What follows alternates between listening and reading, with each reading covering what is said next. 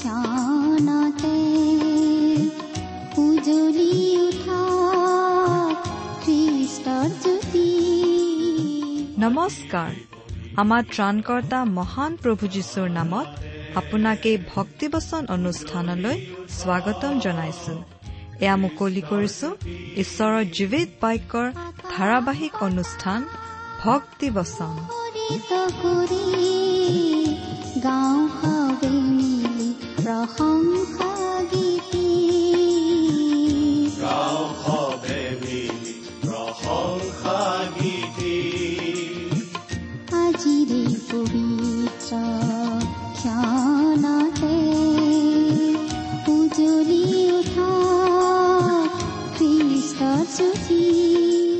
আপোনাৰ জীৱনত যদি শান্তি পাব বিচাৰে তেন্তে এয়া ঈশ্বৰৰ বাক্যৰ সান্তনা বাক্য ভক্তি বচন।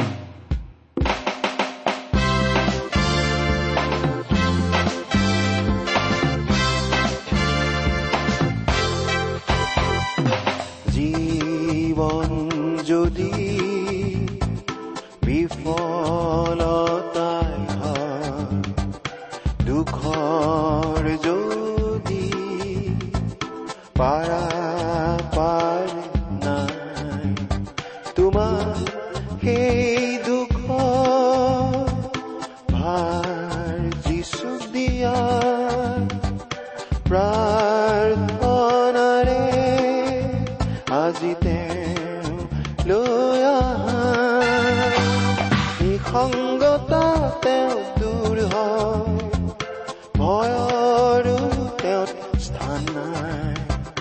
দুখৰ ছায়া তাত নাই তেওঁ যে শান্তি ৰাখ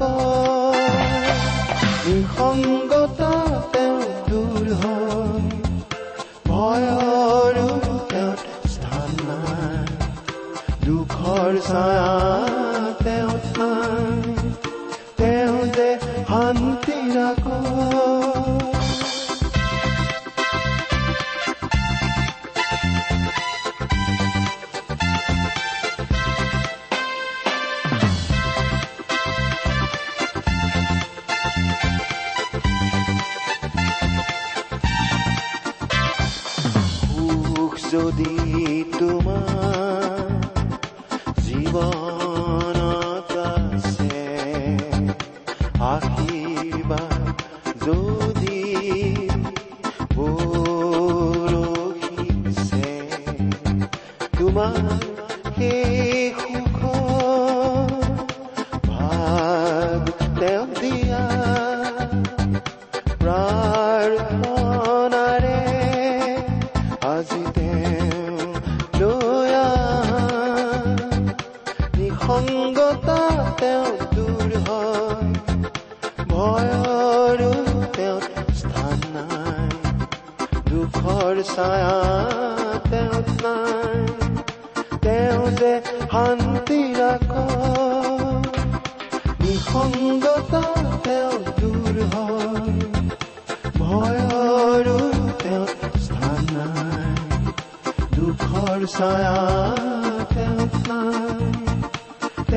যে শান্তি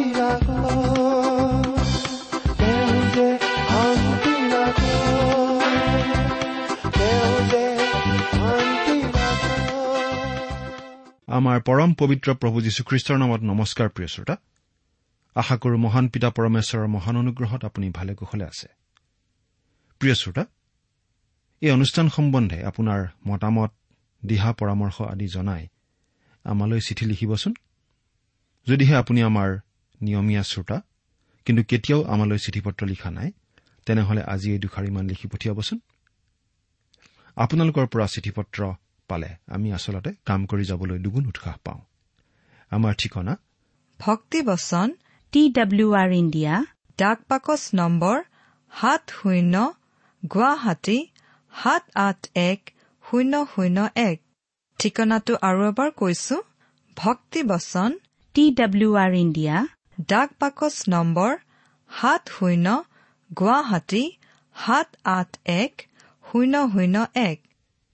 আহকচোন সদায় কৰি অহাৰ নিচিনাকৈ আজিও বাইবেল অধ্যয়ন আৰম্ভ কৰাৰ আগতে ছুটিকৈ প্ৰাৰ্থনা কৰোঁ। স্বৰ্গত থকা অসীম দয়ালু কৰোণাময় পিতৃ ঈশ্বৰ তোমাক ধন্যবাদ জনাইছো। কিয়নো তুমি আমাৰ জীৱনত আৰু এটা নতুন দিন যোগ দিলা আৰু তোমাৰ মহান বাক্য বাইবেল শাস্ত্ৰ অধ্যয়ন কৰিবলৈ আমাক আকৌ এটা সুযোগ দিলা। তোমাৰ বাক্যৰ নিগৃঢ় তত্ব তুমিয়েই আমাক বুজাই দিয়া প্ৰভু।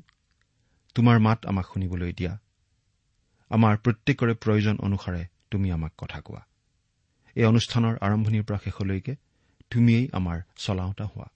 এই প্ৰাৰ্থনা আমাৰ মহান ত্ৰাণকৰ্তা মৃত্যুঞ্জয় প্ৰভু যীশুখ্ৰীষ্টৰ নামত আগবঢ়াইছো। আমেন।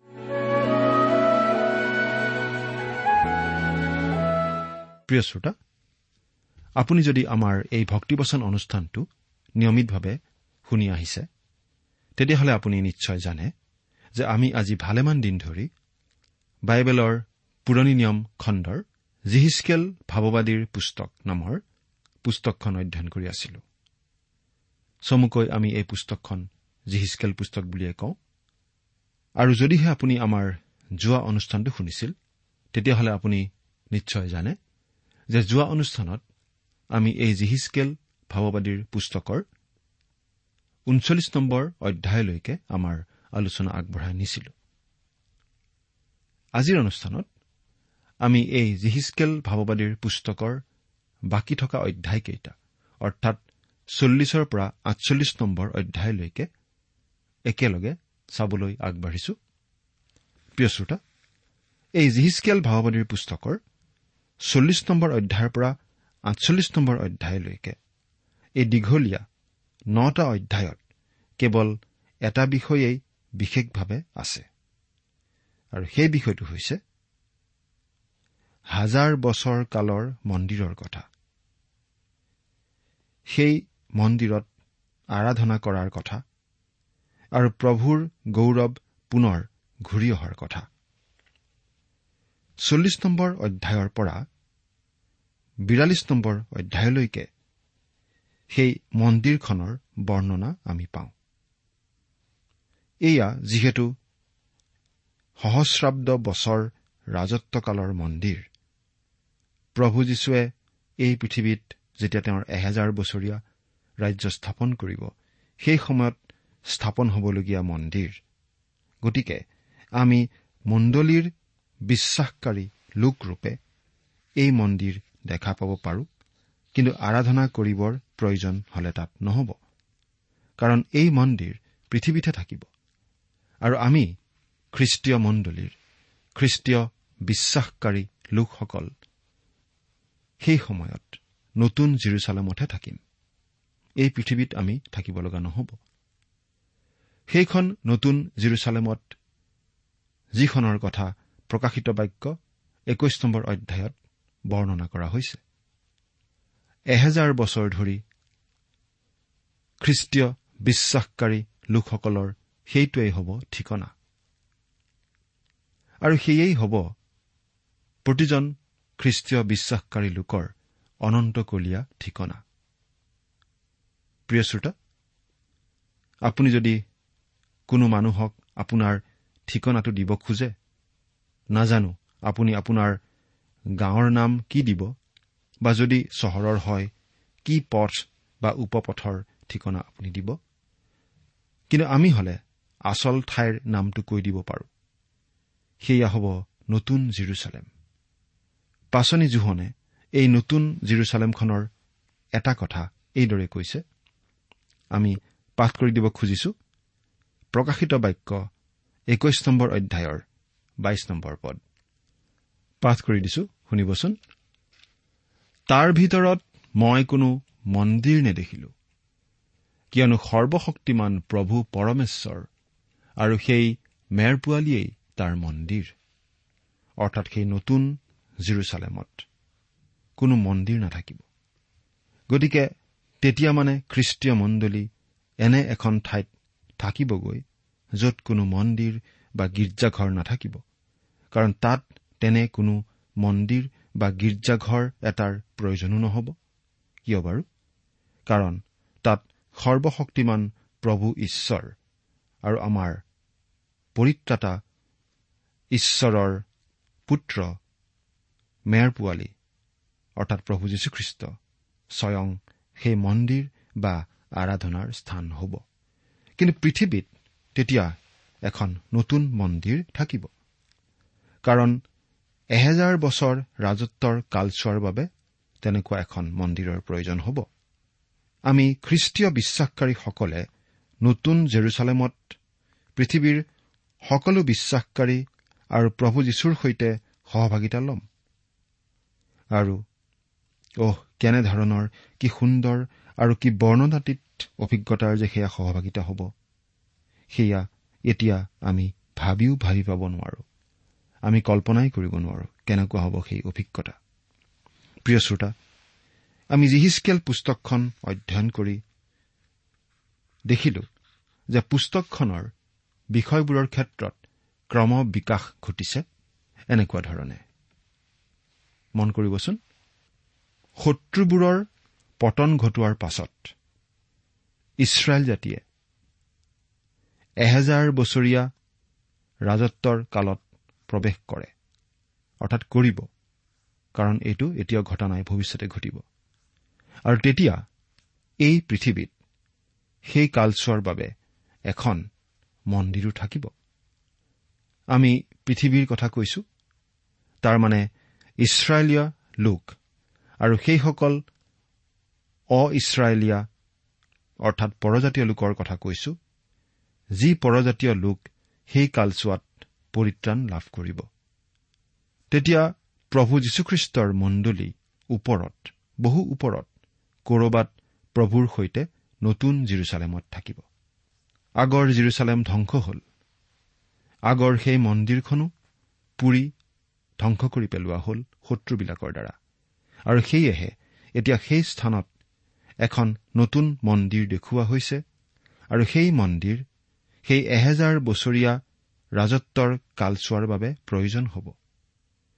প্ৰত্যেকবাৰতেই যেতিয়া আমি জোখ মাখৰ কোনো সামগ্ৰীলৈ কোনো জীৱন্ত প্ৰাণীক দেখা পাওঁ তেতিয়াই আমি এইটো কথা জানিব লাগিব বা এইটো কথা বুজিব লাগিব যে সেই জীৱন্ত প্ৰাণী হৈছে ঈশ্বৰৰ দূত এগৰাকী স্বৰ্গদূত। তাৰমানে আমি ইয়াৰ দ্বাৰা এই কথাটো জানিব লাগিব যে ঈশ্বৰে আকৌ পৃথিৱীৰ মানুহে সৈতে কৰিবলগীয়া কামসমূহ থাকিব। এই বিষয়ে ক্ষুদ্ৰ ভাৱবাদীৰ পুস্তকসমূহত আৰু প্ৰকাশিত বাক্য পুস্তকতো আমি পঢ়িবলৈ পাওঁ। আগৰবোৰৰ দৰে এইবাৰো জিহিচকেল ভাৱবাদীক তেওঁ দেখা দৰ্শনত তেওঁক জিৰচালেমলৈ অলৌকিক ব্যৱস্থাৰে লৈ যোৱা হৈছে। আৰু সেই আহিবলগীয়া হাজাৰ বছৰীয়া ৰাজত্ব কালৰ সেই নতুন মন্দিৰখন দেখুওৱা হৈছে। সেই মন্দিৰৰ বৰ্ণনাৰ দীৰ্ঘতালৈ চাই ক'ব লাগিব যে তেওঁ বহু সময় ধৰি সেই দৰ্শন দেখিবলৈ পাইছিল। আমি গোটেইবোৰ পদ পঢ়াটো সম্ভৱ নহ'ব। তথাপি আমি বাইবেলৰ পৰা কেইটামান পদ পাঠ কৰি দিব খুজিছো।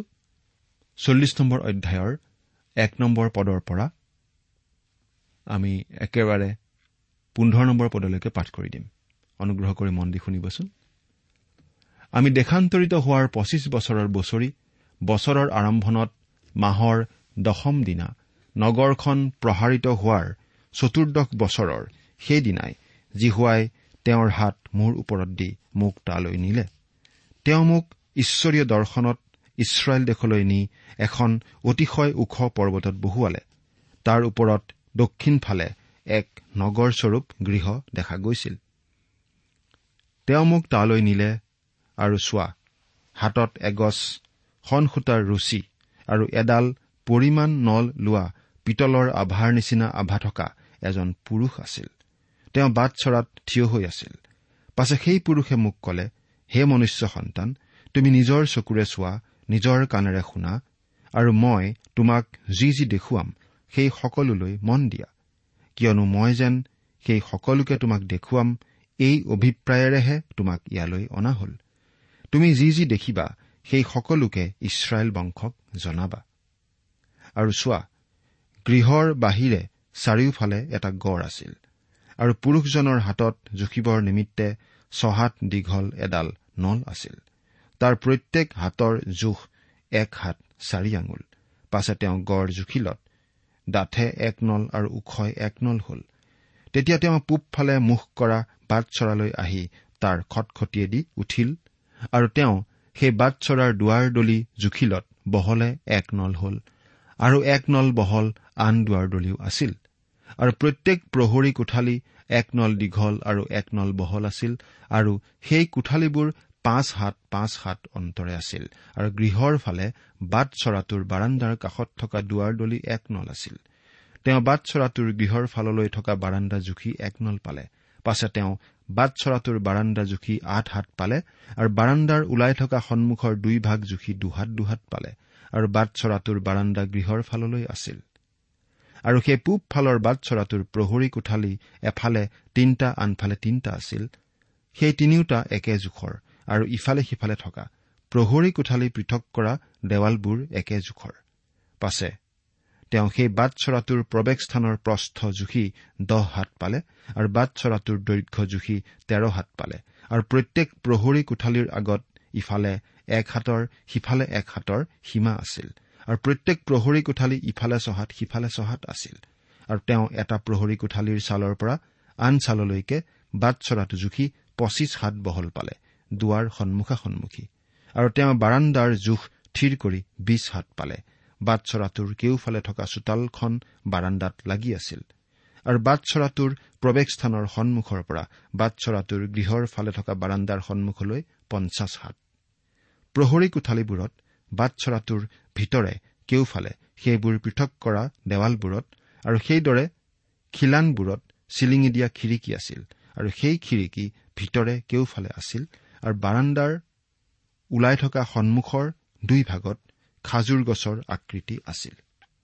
প্ৰিয় শ্ৰোতা পাঁচ নম্বৰ পদৰ পৰা ধৰি যিমানখিনি অংশত সেই আহিবলগীয়া ভৱিষ্যতে নিৰ্মাণ হ'বলগীয়া মন্দিৰখনৰ বৰ্ণনা দিয়া হৈছে সেইখিনি বৰ খুটি নাটি বিশদভাৱে বৰ্ণনা কৰা বৰ্ণনা। যি বৰ্ণনা তাৰ পৰা এই কথা আমি জানিব পাৰো যে সেই মন্দিৰখন অতিব আৰু বৰ্ণনা কৰিব নোৱাৰা ধৰণে সুন্দৰ হ'ব। চল্লিছ নম্বৰ অধ্যায়ৰ ঊনচল্লিছ নম্বৰ পদৰ পৰা বিৰাল্লিছ নম্বৰ পদলৈকে যদি আমি পাঠ কৰোঁ তাত আমি এই কথা পাওঁ যে মুচিৰ বিধান অনুসাৰে হোম বলি পাপাৰ্থক বলি আৰু দোষাৰ্থক বলি পালনৰে সৈতে মন্দিৰ ব্যৱহাৰৰ নীতি পুনৰ আৰোপিত কৰা হ'ব। সেই হাজাৰ বছৰ ৰাজত্বৰ কালৰ মন্দিৰতো বলি উৎসৰ্গ চলিব। এই বিষয়ে পঞ্চল্লিছ নম্বৰ অধ্যায়ত আমি অধিককৈ পঢ়িবলৈ পাওঁ। কি সুন্দৰ কথা তেতিয়াৰ সেইখন মন্দিৰতো গীত গান আৰু বাদ্য বাজনাও থাকিব। মন্দিৰখনত বলি উৎসৰ্গ কৰিবৰ কাৰণে বেদী থাকিব। এতিয়াৰ ইব্ৰী লোকসকলে এই মন্দিৰৰ ছবি আদি আঁকিলে বলি উৎসৰ্গ কৰা বেদীৰ ছবি অংকন নকৰে সেইটো তেওঁলোকে উঠাই দিছে। কিন্তু হাজাৰ বছৰ ৰাজত্ব কালৰ সেই মন্দিৰখনত বলি কটাৰ বেদীও থাকিব। গোটেই বিৰাল্লিছ নম্বৰ অধ্যায়টোত মন্দিৰখনৰ বৰ্ণনা মাথোন আছে। সেইবাবে সেইখিনি আপোনালোকে নিজেই পঢ়ি ল'ব। তিৰাল্লিছ নম্বৰ অধ্যায়ৰ পৰা ছয়চল্লিছ নম্বৰ অধ্যায়লৈকে আছে সেই মন্দিৰখনত সেৱা আৰাধনা কৰাৰ বিষয়ে। সেই হাজাৰ বছৰীয়া ৰাজত্বৰ কালৰ মন্দিৰৰ কথাটো আমি যেতিয়া চিন্তা কৰোঁ তেতিয়া আমি চলোমনৰ দিনৰ শেষৰ ফালে মন্দিৰখনত ঈশ্বৰৰ উজ্জ্বল গৌৰৱ বা চাকিনা গৌৰৱ উপস্থিত যে নাছিল সেই কথা মনত পেলোৱা উচিত। এই উজ্জ্বল চাকিনা গৌৰৱে ঈশ্বৰৰ উপস্থিতিক বুজাইছিল। কিন্তু ইছৰাইল জাতিয়ে পাপ কৰিবলৈ ধৰাত ঈশ্বৰৰ সেই চাকিনা গৌৰৱ সেই মন্দিৰৰ পৰা আঁতৰি গৈছিল। কিন্তু আমি এই তিৰাল্লিছ নম্বৰ অধ্যায়টোত দেখিবলৈ পাওঁ যে সেই উজ্জ্বল চাকিনা গৌৰৱ মন্দিৰখনলৈ পুনৰ ঘূৰি আহিছে আৰু ইছৰাইল জাতিয়ে সেই মন্দিৰখনত যিজনক আৰাধনা কৰিছিল তেওঁ আছিল স্বয়ং প্ৰভু আমাৰ মহান পৰিত্ৰতা। তেওঁলোকৰ আহিবলগীয়া মচি সজনা জগতৰ পাপ বৈ নিওতা ঈশ্বৰৰ মেৰ পোৱালি সকলো মানৱৰ একমাত্ৰ বাট। সত্য জীৱন পোহৰ আৰু সকলো ৰজাবিলাকৰ ওপৰৰো ৰজা আৰু সকলো প্ৰভুবিলাকৰ ওপৰৰো প্ৰভু। তেওঁ আন কোনো নহয় তেওঁ প্ৰভু যীশুখ্ৰীষ্ট। আৰাধনাৰ বৰ্ণনাত কোৱা হৈছে যে ঈশ্বৰৰ এই উজ্জ্বল গৌৰৱ পূবৰ ফালৰ পৰা আহি মন্দিৰত প্ৰৱেশ কৰিবহি। এয়া প্ৰভু যীশুখ্ৰীষ্টৰে আগমন আৰু তেওঁৰ আগমনৰ লগতে এই উজ্জ্বল পোহৰেও লগতে প্ৰত্যাৱৰ্তন কৰিছে। দুই হাজাৰ বছৰৰ পূৰ্বে যেতিয়া তেওঁ এই জগতলৈ আহিছিল তেতিয়া তেওঁ নম্ৰ নিশ্চ ৰূপেৰে মানুহৰ ৰূপেৰে যীশু অৱতাৰত বৈতলেহেমৰ গোহালি ঘৰত গৰুৰ দানা পাত্ৰত জন্মগ্ৰহণ কৰি আহিছিল। আৰু তেতিয়া সেই উজ্জ্বল বা চাকিনা গৌৰৱ তেওঁৰে সৈতে অহা নাছিল। চৌৰাল্লিছ নম্বৰ অধ্যায়ত আমি পাওঁ যে পূব দিশৰ পৰা তেওঁ আহিব। যি বলিসমূহ উৎসৰ্গ কৰা হ'ব সেইবোৰ সোঁৱৰণৰ কাৰণেহে হ'ব কেৱল। তেওঁলোকে তাকে কৰি সোঁৱৰিব পূৰ্বৰ মন্দিৰত বলি উৎসৰ্গ কৰা হৈছিল আৰু কেনেকৈ সেই উৎসৰ্গসমূহে আমাৰ পৰিত্ৰাতা প্ৰভু যীশুখ্ৰীষ্টৰ মহৎ সৰ্বোৎকৃষ্ট আৰু সৰ্বোচ্চ বলিলৈকে আঙুলিয়াইছিল কি আছিল বাৰু সেই সৰ্বোচ্চ বলিদান? হয় সেই বলি উৎসৰ্গলৈ আঙুলিয়াইছিল যি বলি হৈছিল সকলো মানৱৰ পৰিত্ৰাণৰ বাবে কালবাৰীৰ পাহাৰৰ নিষ্ঠুৰ দুডালি কাঠৰ ওপৰত। পঞ্চল্লিছ নম্বৰ অধ্যায়তো সেই বিষয়ে বৰ্ণনা কৰা আমি দেখিবলৈ পাওঁ। চৌৰাল্লিছ নম্বৰ অধ্যায়ত জিহিচকেল ভাওবাদীক কোৱা হৈছে পূবৰ দুৱাৰেৰে ৰজাজন প্ৰৱেশ কৰিব। বৰ্তমানৰ জিৰচালেমৰ নগৰখনৰ দেৱালত পূবফালৰ দুৱাৰখন নাই। সম্পূৰ্ণ দেৱাল তুলি বন্ধ কৰি দিয়া হৈছে। যিজন ৰাজকুমাৰ পূবৰ দুৱাৰেদি সোমাই আহিব তেওঁ কোন? সেইটো লৈও বাইবেল শিক্ষকসকলৰ মাজত ভিন্ন মত দেখা যায়। সেইবোৰ তৰ্কতো আমি প্ৰৱেশ নকৰো হওক। ৰাজকুমাৰ বা ৰজাজন যিয়েই নহওক লাগিলে জিস্কেল ভাওবাদীয়ে কৈছে যে পঞ্চল্লিছ আৰু ছয়চল্লিছ অধ্যায়ৰ মতে তেওঁ বলি উৎসৰ্গেৰে সৈতে মন্দিৰখনত আৰাধনা কৰিব। সেইফালৰ পৰা কিন্তু এইটো স্পষ্ট যে তেওঁ আমাৰ প্ৰিয় প্ৰভু পৰিত্ৰাতা যীশুখ্ৰীষ্ট হ'ব নালাগিব। কাৰণ তেওঁ স্বয়ং ঈশ্বৰ আৰু ঈশ্বৰে কেতিয়াও বলি উৎসৰ্গ দিয়া নাছিল আৰু কতো কেতিয়াও তেনে বলি উৎসৰ্গ দিবলৈ প্ৰয়োজন নহ'ব। বলি উৎসৰ্গ তেওঁ নিদিব। প্ৰভু যীশুখ্ৰীষ্টত বাদে তেওঁ কোনো এজন ব্যক্তি হ'ব পাৰে যাৰ বিষয়ে বিনম্ৰ উত্তৰ হ'ব আমি নাজানো। যি দুৱাৰ দলিয়েদি তেওঁ প্ৰৱেশ কৰিব সেই দুৱাৰখনক লৈও বাইবেল শিক্ষক পণ্ডিত আৰু শিক্ষাৰ্থীসকলৰ মাজত দ্বিমত আছে। এক শ্ৰেণীয়ে ভাবে যে এই দুৱাৰদলিৰ কথা কৈ জেৰুচালেম নগৰৰ দেৱালৰ দুৱাৰদলিৰ কথা কোৱা হোৱা নাই। মন্দিৰখনৰ দুৱাৰৰহে কথা কোৱা হৈছে। আকৌ আন শ্ৰেণীয়ে ভাবে যে এই দুৱাৰদলিৰ কথাটো কৈ নগৰখনৰ দেৱালখনৰ দুৱাৰদলিৰেই কথা কোৱা হৈছে। বাইবেলে যিহেতু আমাক কোৱা দুৱাৰদলিটো নগৰখনৰ দেৱালখনৰ নে মন্দিৰখনৰ সেইটো আমি নাজানো। আমিও কিছুমান যুক্তি আৰু ধাৰণাৰ ওপৰত ভিত্তি কৰি ইটো হ'ব বা সিটো হ'ব পাৰে বুলি নোকোৱাই ভাল। পঞ্চল্লিছ নম্বৰ অধ্যায়ত নিষ্ঠাৰ পৰ্বৰ ভোজৰ বিষয়ে কোৱা হৈছে। এই পঞ্চল্লিছ নম্বৰ অধ্যায়ৰ ওঠৰ নম্বৰ পদৰ পৰা বাইশ নম্বৰ পদকেইটাত এই বিষয়ে আমি পঢ়িবলৈ পাওঁ। পদকেইটা বাইবেলৰ পৰা পাঠ কৰিছো শুনিবচোন। প্ৰভুজী হোৱাই এই কথা কৈছে প্ৰথম মাহৰ প্ৰথম দিনা তুমি এটা নিঘূৰ্ণি ফতৰা লৈ ধৰ্মধামক পাপৰ পৰা মুক্ত কৰিবা। পুৰোহিতে সেই পাপাৰ্থক বলিৰ কিছু তেজ লৈ গৃহতীৰ দুৱাৰৰ খুটাত যজ্ঞবেদীৰ ওপৰ ভাগৰ চাৰিচুকত আৰু ভিতৰ চোতালখনৰ বাট চৰাটোৰ দুৱাৰৰ খুটাত লগাব। আৰু ভুল কৰা কোনো লোকৰ আৰু কোনো নিৰ্বোধ মানুহৰ নিমিত্তেও মাহৰ সপ্তম দিনা তুমি সেইদৰে কৰিবা। এইদৰে তোমালোকে গৃহতী প্ৰায়চিত্ৰ কৰিবা। প্ৰথম মাহৰ চৈধ্য দিনৰ দিনা তোমালোকৰ নিষ্ঠাৰ পৰ্ব সাতদিনীয়া ভোজ হ'ব। সেইদিনা খমিৰ নিদিয়া পিঠা খাব লাগিব সেইদিনা অধিপতিজনে নিজৰ নিমিত্তে আৰু দেশৰ আটাই প্ৰজাৰ নিমিত্তে পাপাৰ্থক বলিস্বৰূপে এটা ভতৰা উৎসৰ্গ কৰিব। এই নিষ্ঠাৰ পৰ্বই নিঃসন্দেহে আমাৰ প্ৰিয় প্ৰভু পৰিত্ৰতা যীশুখ্ৰীষ্টলৈকেই আঙুলিয়াইছে প্ৰথম কৰিন্ঠিয়া পাঁচ নম্বৰ অধ্যায়ৰ সাত নম্বৰ পদত বাইবেলে এনেদৰে কৈছে কাৰণ আমাৰ নিষ্ঠাৰ পৰ্বৰ মেৰ পোৱালী যি খ্ৰীষ্ট তেওঁক বলিদান কৰা হ'ল।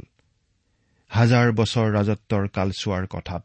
এই নিষ্ঠাৰ পৰ্বৰ উল্লেখেও বাইবেল বিশ্বাসকাৰীসকলৰ মাজত তৰ্ক বিতৰ্কৰ মৃদু বতাহ বলোৱা দেখা যায়। বহুতৰ প্ৰশ্ন এই পুৰণি নিয়মৰ সকলো বলিবিধান যিহেতু যীশুখ্ৰীষ্টতেই সিদ্ধ হ'ল তেন্তে আকৌ হাজাৰ বছৰীয়া ৰাজত্বকালৰ মন্দিৰৰ কথাত ইয়াৰ উল্লেখ কিয়? কিছুমান বিতৰ্কিত মত পোষণ কৰা হৈছে। আমি আকৌ কওঁ যে আমি তৰ্ক বিতৰ্কত প্ৰৱেশ নকৰো। নিষ্ঠাৰ পৰ্বৰ কথা কোৱা হৈছে খুব স্বাভাৱিক। সৎ আৰু পবিত্ৰ উদ্দেশ্যৰে নিশ্চয়। প্ৰভুৰ সেই মহৎ কাৰ্য সোঁৱৰণ কৰি তেওঁৰ প্ৰতি কৃতজ্ঞতা প্ৰকাশ কৰিবলৈকে নহয়নে বাৰু? এতিয়া পুস্তকখনৰ শেষ দুটা অধ্যায় সাতচল্লিছ আৰু আঠচল্লিছ নম্বৰ অধ্যায়ত পাওঁ ইছৰাইলৰ স্বভূমিৰ বিষয়ক কথা। আমি যদি পঢ়ি চাওঁ তাত পূবফালে মুখ কৰা বাটটোৱে বেদীটোক বুজাইছে তাৰে পৰাই সকলো আশীৰ্বাদ আহে। অৰ্থাৎ আশীৰ্বাদৰ ৰূপত যিমান যি আমালৈ আহে সেই সকলো ক্ৰুচত মৃত্যুবৰণ কৰা পৰিত্ৰতা প্ৰভু যীশুখ্ৰীষ্টৰ পৰাই আহে। হয় আপোনাৰ আৰু মোৰ বাবে সকলো আশীৰ্বাদ আমাৰ বাবে নিজকে বলিদান কৰা প্ৰভু যীশুখ্ৰীষ্টৰ পৰাহে আহে। ইয়াত উল্লেখ কৰা জলে পবিত্ৰ আত্মালৈ আঙুলিওৱা বুলি বহুতে ভাবে। জলসমূহৰ মাজেদি যোৱাই পবিত্ৰ আত্মাৰ পৰিচালনাত চলাক বুজায় বুলি অনেকে বিশ্বাস কৰে। এক আঁঠু পানীয়ে প্ৰাৰ্থনাত নিমজ্জিত হৈ থকাক বুজায়। এক কঁকালীয়া পানীয়ে পৰিচৰ্যাৰ বাবে কঁকাল বন্ধাক বুজায়। সেইদৰে সাঁতুৰিবলগীয়া পানীয়ে পবিত্ৰ আত্মাৰে পৰিপূৰ্ণ হোৱাকেই বুজায়। বহু বৃক্ষই আমাৰ ফলপূৰ্ণ জীৱনক বুজায়। আঠচল্লিছ নম্বৰ অধ্যায়ত আছে নতুন ইছৰাইল দেশখনক বাৰটা ফৈদৰ মাজত বিতৰণ কৰি দিয়াৰ কথা। এনে দেশ বিতৰণৰ দানৰ কথাটো প্ৰথমে উল্লেখ কৰা হৈছে। তাৰ মানে একাধিক্ৰমে উল্লেখ কৰা হোৱা নাই। প্ৰিয় শ্ৰোতা অধ্যায়টোৰ শেষৰ কথাষাৰলৈ মন কৰক আৰু সেই দিনৰ পৰা নগৰখন জিহুৱা চামাহ অৰ্থাৎ জিহুৱা সৌ তাত আছে। কি সুন্দৰ কথা। আজিলৈ ইমানতেই সামৰিছো। ঈশ্বৰে আপোনাক আশীৰ্বাদ কৰক। আহমেদ।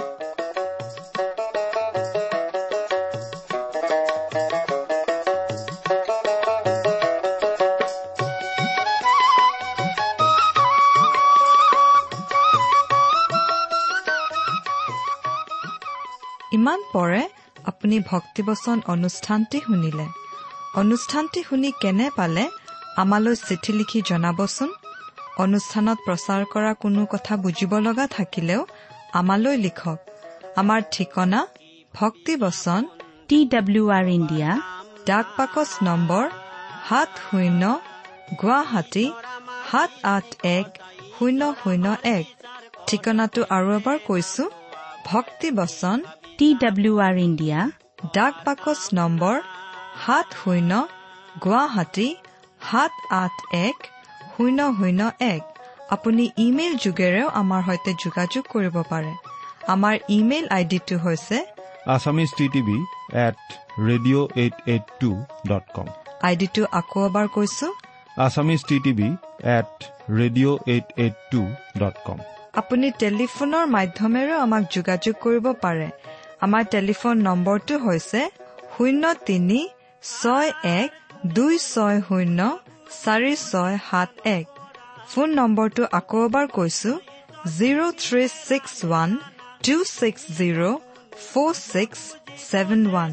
আজিৰ অনুষ্ঠানটি ইমানতেই সামৰিছো। ঈশ্বৰৰ শান্তি আৰু অনুগ্ৰহ আপোনাৰ লগত থাকক। ধন্যবাদ।